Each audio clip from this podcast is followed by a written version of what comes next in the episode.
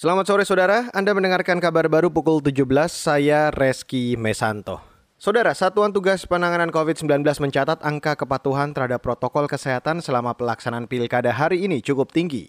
Tim pakar Satgas COVID-19 Dewi Nur Aisyah menyebut, dari pantauan Satgas terhadap pilkada di 229 kabupaten kota, kepatuhan menggunakan masker mencapai 96,5 persen, sedangkan kepatuhan menjaga jarak mencapai 91 persen pada saat pelaksanaan pilkada ini kita merujuk kepada peraturan KPU nomor 6 tahun 2020 dan kita akan mengevaluasi menggunakan alat yang sama untuk memonitor kepatuhan para pemilih individunya termasuk kepatuhan TPS yang melaksanakan pemilihan sesuai dengan peraturan yang sudah tertera. Untuk hari ini eh, pelaksanaan pilkada sudah lebih dari 227 ribu orang dipantau di 34 ribu titik di 299 kabupaten kota.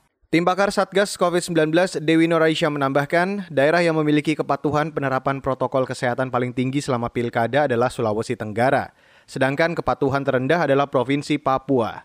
Satgas juga mencatat ada lebih dari 128 ribu orang ditegur karena tidak mematuhi protokol kesehatan. Teguran terbanyak ada di Provinsi Sumatera Utara, Bali, Riau, dan Jawa Timur. Kita beralih ke informasi selanjutnya, Saudara. Tim kemanusiaan Papua kesulitan melaksanakan program pemulihan trauma terhadap warga distrik Hita Dipa, Kabupaten Intan Jaya, Papua.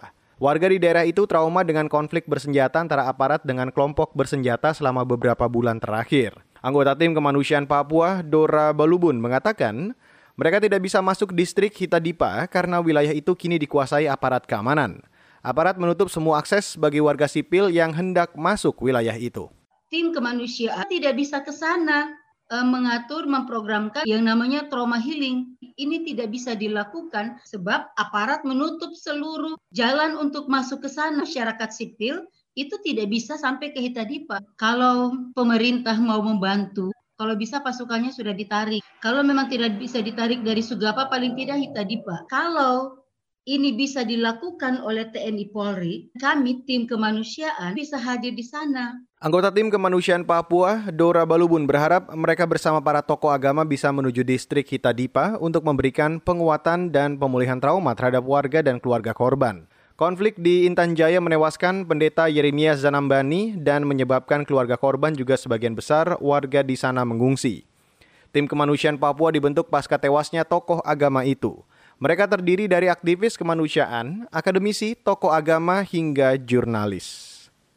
Saudara, hampir 1.700-an orang tertahan di kapal pesiar Royal Caribbean setelah ditemukan kasus positif COVID-19 di kapal itu.